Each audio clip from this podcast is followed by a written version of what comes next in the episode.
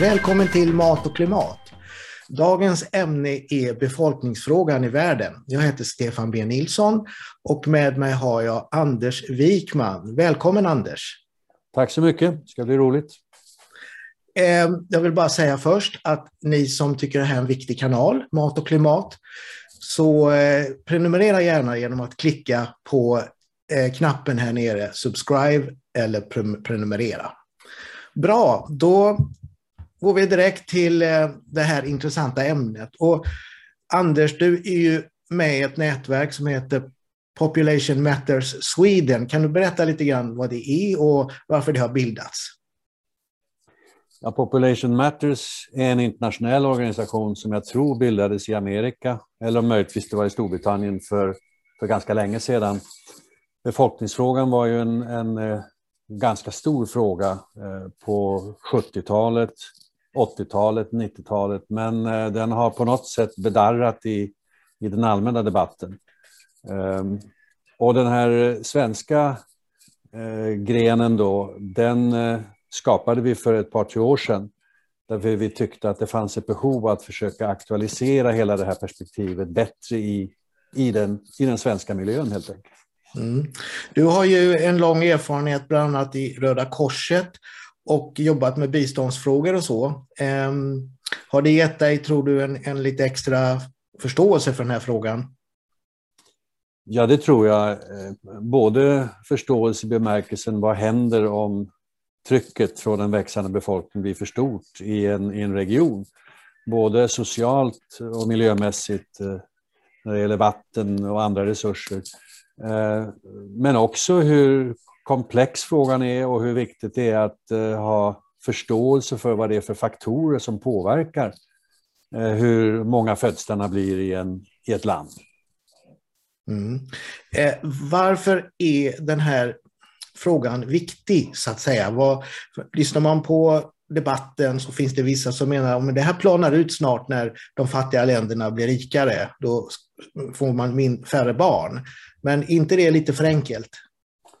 Jo, det tycker jag. Och vi har ju sett nu under perioden efter andra världskriget hur eh, befolkningen har ökat väldigt, väldigt kraftigt. När jag föddes var vi, vadå, två och en halv miljard på den här planeten. Idag närmar vi oss åtta, så det är nästan en fyrdubbling på 75 år. Eh, vi har dessutom haft en snabbt ökande efterfrågan på energi, material, vatten och så vidare. Och det har ju då skapat ett ökande tryck på vad det vi kallar för de livsuppehållande systemen. Det är ytterst naturen som, som gör att vi kan fungera.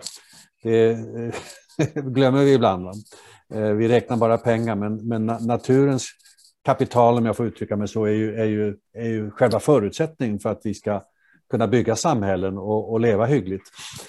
Eh, så att det är klart att det här har betydelse. Ehm, och det fanns en engelsk ekonom, nej, kanske var han amerikan, eh, Kenneth Boulding, han sa någon gång i början på 70-talet att den som tror att vi kan ha obegränsad tillväxt på en begränsad planet, han är antingen en idiot eller också är han en ekonom. Eh, och det ligger mycket i det där uttalandet. Så det är klart att, att eh, antalet människor, eh, det betyder någonting. Det finns två stycken parametrar här. Eh, dels antalet människor på planeten men också eh, hur mycket vi konsumerar och då är det ju vi i Europa, eh, USA, Australien, Kanada som, och vissa länder i, i Asien som, som per person konsumerar mest. Hur ska man se på de här två frågorna? Dels befolkningsökningen till exempel i Afrika och dels den, den överkonsumtionen i den rika delen av världen. Ja, det är klart, på kort sikt så är överkonsumtionen det klart dominerande problemet. Eh, jag såg en statistik häromdagen som visar att eh, de 10 procenten av världens befolkning som har de högsta inkomsterna, de genererar mer än hälften av växthusgaserna, framförallt koldioxidutsläppen. Om vi tittar på materiella fotavtryck, det vill säga hur mycket vi konsumerar i typ av materiell konsumtion.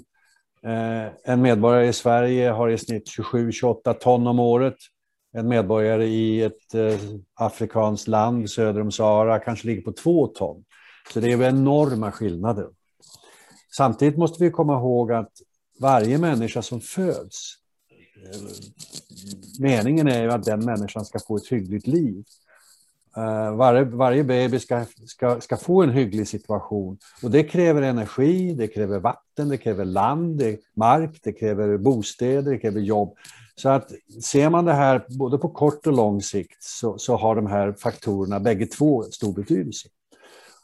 Eh, om jag skulle få frågan vad är viktigast på kort sikt? Ja, det är klart att göra någonting åt de här väldigt slösaktiga eh, livsstilarna i vår del av världen. Vi, vi, vi överkonsumerar på ett groteskt sätt. Inte minst därför att vi har linjära produktionsmodeller. Så att mycket av de material som vi använder använder vi bara en gång, trots att vi skulle kunna använda dem om och om och om igen. Mm. Eh, vad beror det på att frågan har blivit så eh, frånvarande i den allmänna debatten? Du nämnde att den var stor på 70-talet. Var, varför har det blivit så här? Ja, den var stor ännu på 90-talet. Jag bidrog själv i förberedelserna för den stora befolkningskonferensen i Kairo så sent som 1994. Det var ett enormt intresse från forskarsamhället, från det civila samhället, från politiken, från näringslivet. Man antog en, en, en väldigt ambitiös agenda som gick ut på att framförallt erbjuda reproduktiv hälsa eh, och familjeplanering, eh, alltså preventivmedel och dessutom satsa hårt på utbildning av unga flickor. Och kombinationen av det där menade man skulle då göra att, att eh, födslotalen gick ner snabbare än om man skulle vänta på att, att eh, standarden hade ökat generellt sett. Och vi vet ju också att väldigt många kvinnor i de här länderna, inte minst i Afrika, de vill ha hjälp att begränsa barnantalet. För, för, för det är jobbigt för dem att ha fyra, fem, sex barn i en miljö som är socialt dålig och där det dessutom är oerhört fattigt. Eh, men eh, den där handlingsplanen blev aldrig bra uppföljd faktiskt. Jag tror kanske att lite grann av orsaken är Kinas ettbarnspolitik som ju drevs igenom med väldigt hårda metoder. Det var mycket tvång. Det, det hände också någonting redan på 70-talet med tvångssteriliseringar i Indien som, som också var naturligtvis helt fel metod. Så, att, så det blev en rättighetsfråga det här, lite grann. Och eh, det är nog den av... Och sen har vi haft ett otroligt starkt motstånd från den katolska kyrkan, inte minst. Mm. Och även eh, från islam, inte överallt, men, men rent generellt så skulle jag säga att muslimska länder har ju inte ägnat sig åt familjeplanering precis. Um, det, fin det, finns undantag. Pakistan till exempel, eh, de, de hade ett ganska ambitiöst program på 70-talet. Eh, min vän Karl Waren jobbade med det på den tiden, han har berättat om det. Eh, Bangladesh har haft ett framgångsrikt program för att få ner födslarna. Så, så det, det, det är inte svartvitt. Det är det inte. Och sen är det väl ändå så att kvinnorna i de här samhällena som du beskrev nu, de länderna, de vill ha tillgång till de här möjligheterna att kunna planera sina graviditeter till exempel. Absolut. Vi räknar med mellan tummen och pekfingret att ett par hundra miljoner kvinnor i världen vill ha tillgång till den servicen, men får det inte. Av en massa olika skäl. Mm. Ekonomiska, sociala, religiösa, you name it. Och du har ju några länder som sticker ut idag. Eh, Nigeria, fortsatt väldigt snabb folkökning. Afghanistan, ironiskt nog, trots de krig som har pågått där hela tiden så har ju bara barn, barnantal bara ökat, ökat, ökat. Eh, och, och de här länderna kommer att få väldigt, väldigt svårt på, på sikt. Väldigt, väldigt svårt. Både när det gäller naturresurser, matförsörjning, men också socialt. Precis, och du var intervjuad i en, en artikel i webbtidningen Mat och klimat eh, som just handlade om spridning av odlingsmark, att eh, eh, eh, viktiga områden för mångfalden och klimatet odlas upp, helt enkelt för att trycket på mer mat är så hårt, vilket ju hänger ihop med att det kommer allt fler människor. Absolut, eh, och det här är ju en av de stora utmaningarna, framförallt när det gäller biologisk mångfald, att när vi då eh, röjer mark för odling av mat så är det väldigt många arter som hotas eller försvinner. Och eh, man kan säga att det av människan managerade samhället, det breder ut sig mer och mer och platsen för vilda djur och andra växter blir ju mycket, mycket mindre. Och det här har vi ju sett också när det gäller pandemin att eh, det är ett problem. Eh, virusar, bakterier bland vissa djurarter som kan hoppa över till människor. Eh, vi vet ju fortfarande inte riktigt det här med covid-19, vad som var ursprunget, men det är, det är många som ändå pekar på att det kan ha varit en fladdermus från början som bar det här viruset och sen hoppade det över på olika sätt. Så, så att det här att vi kommer närmare och närmare och tränger undan naturen, det är ett, det är ett stort problem, ett jättestort problem.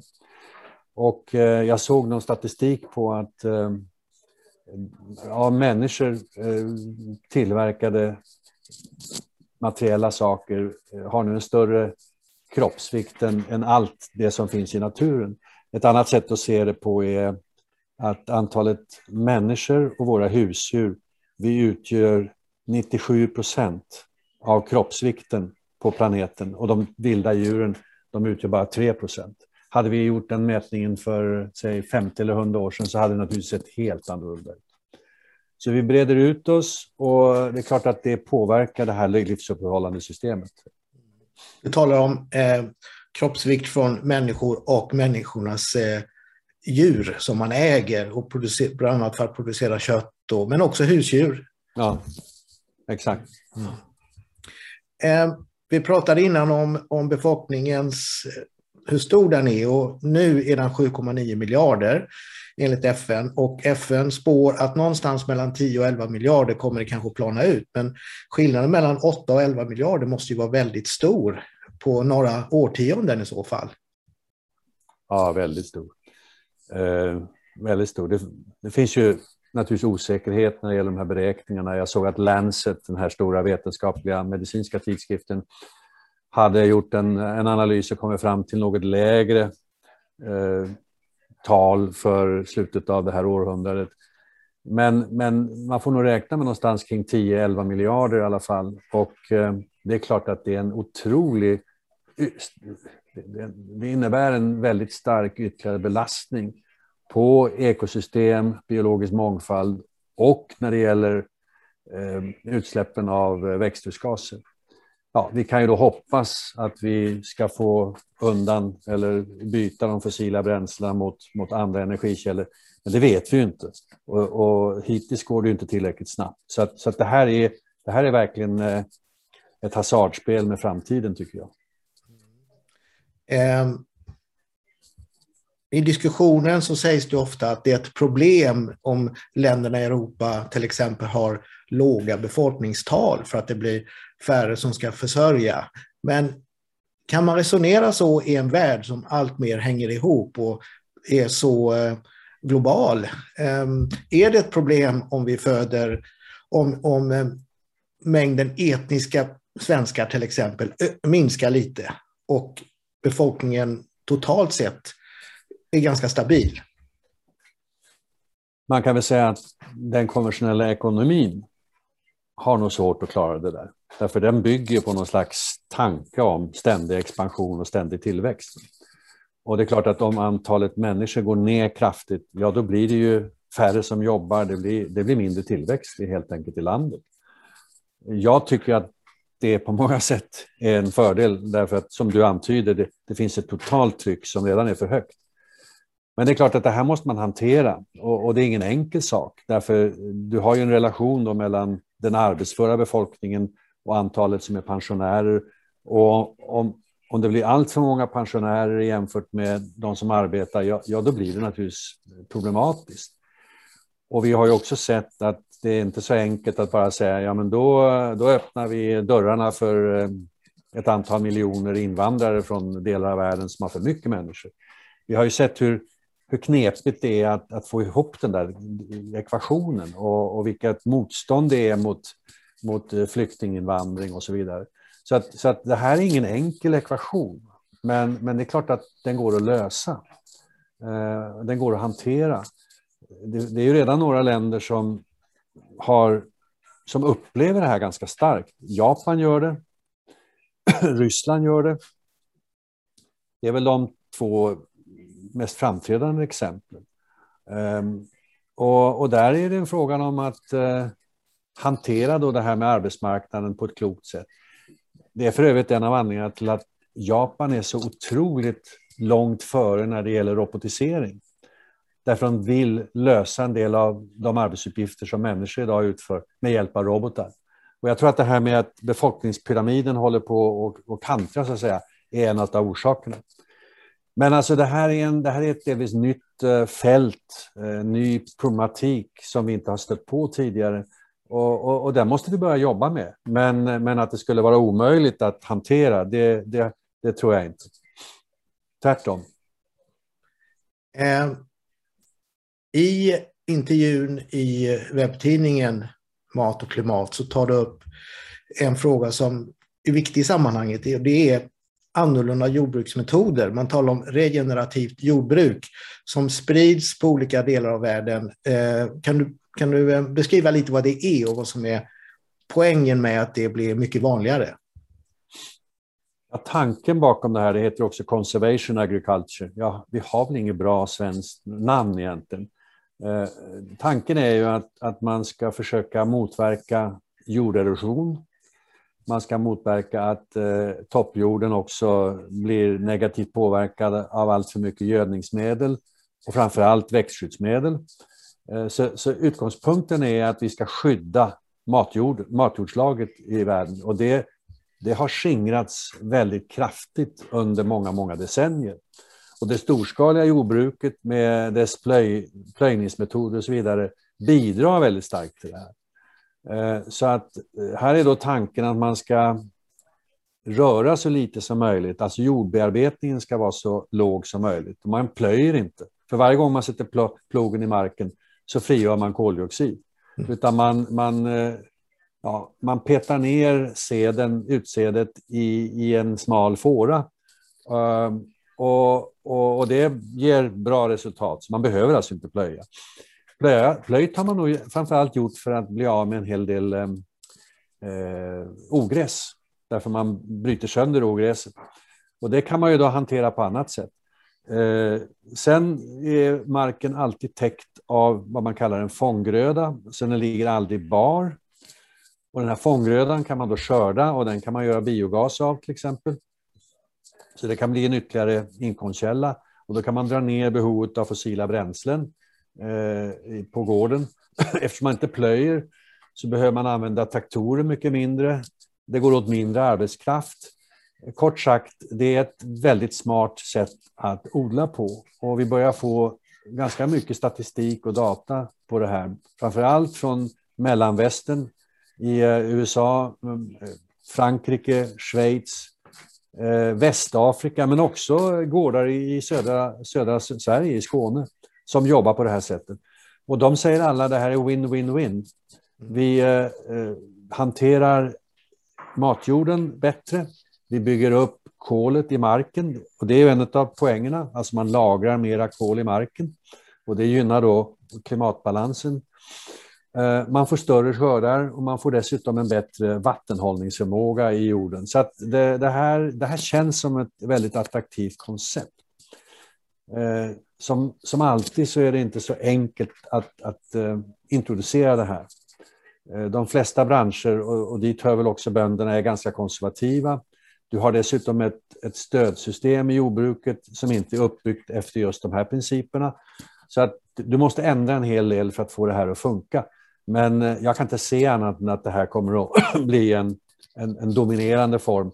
Och fördelen är, eftersom skördarna ökar, att du då inte behöver lägga en massa ny mark under plogen, utan du kan kanske nöja dig med den, den odlingsmark vi har idag för att försörja en trots allt ökande befolkning. Mm. Så där har vi en, en dellösning, men om vi ser på själva ökningen av befolkningen, vilken typ av åtgärder skulle du i första hand vilja bli vanligare? Vi har varit inne på det lite, biståndspolitik, utbildning för flickor och, och mm. rätt till familjeplanering och preventivmedel. Ja, det är väl det, det är de åtgärderna i första hand. Jag har en god vän i eh, Indien, Ashok Koshla, som har jobbat med den här typen av frågor i decennier.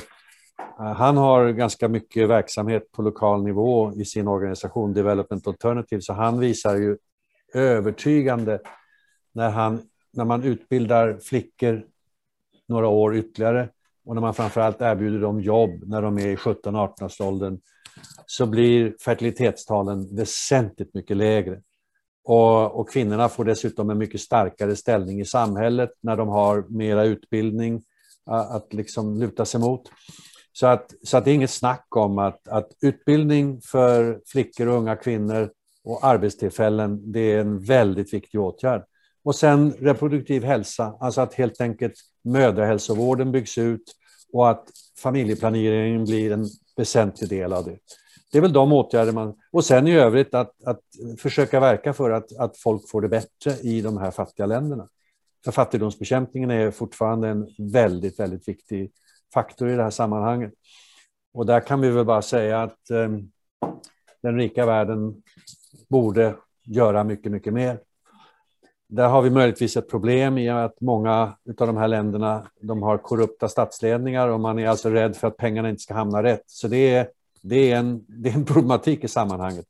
Men eh, summa summarum, mer stöd till fattigdomsbekämpning, mer stöd specifikt till utbildning av unga tjejer, jobb för unga kvinnor och sen då reproduktiv hälsa och familjeplanering.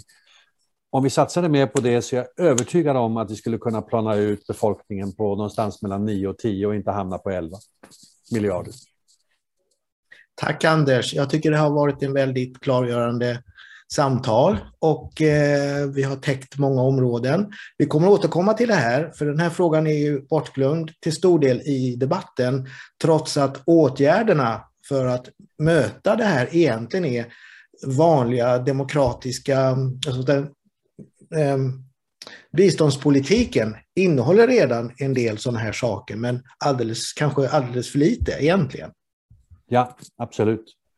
Uh, och, och sen kan man ju samarbeta på många andra sätt. Man behöver inte bara använda biståndspolitiken utan man kan tänka sig twinning mellan olika kommuner i nord och syd och så vidare som, som hjälps, hjälps åt med de här frågorna. Så att eh, det finns många, många vägar fram.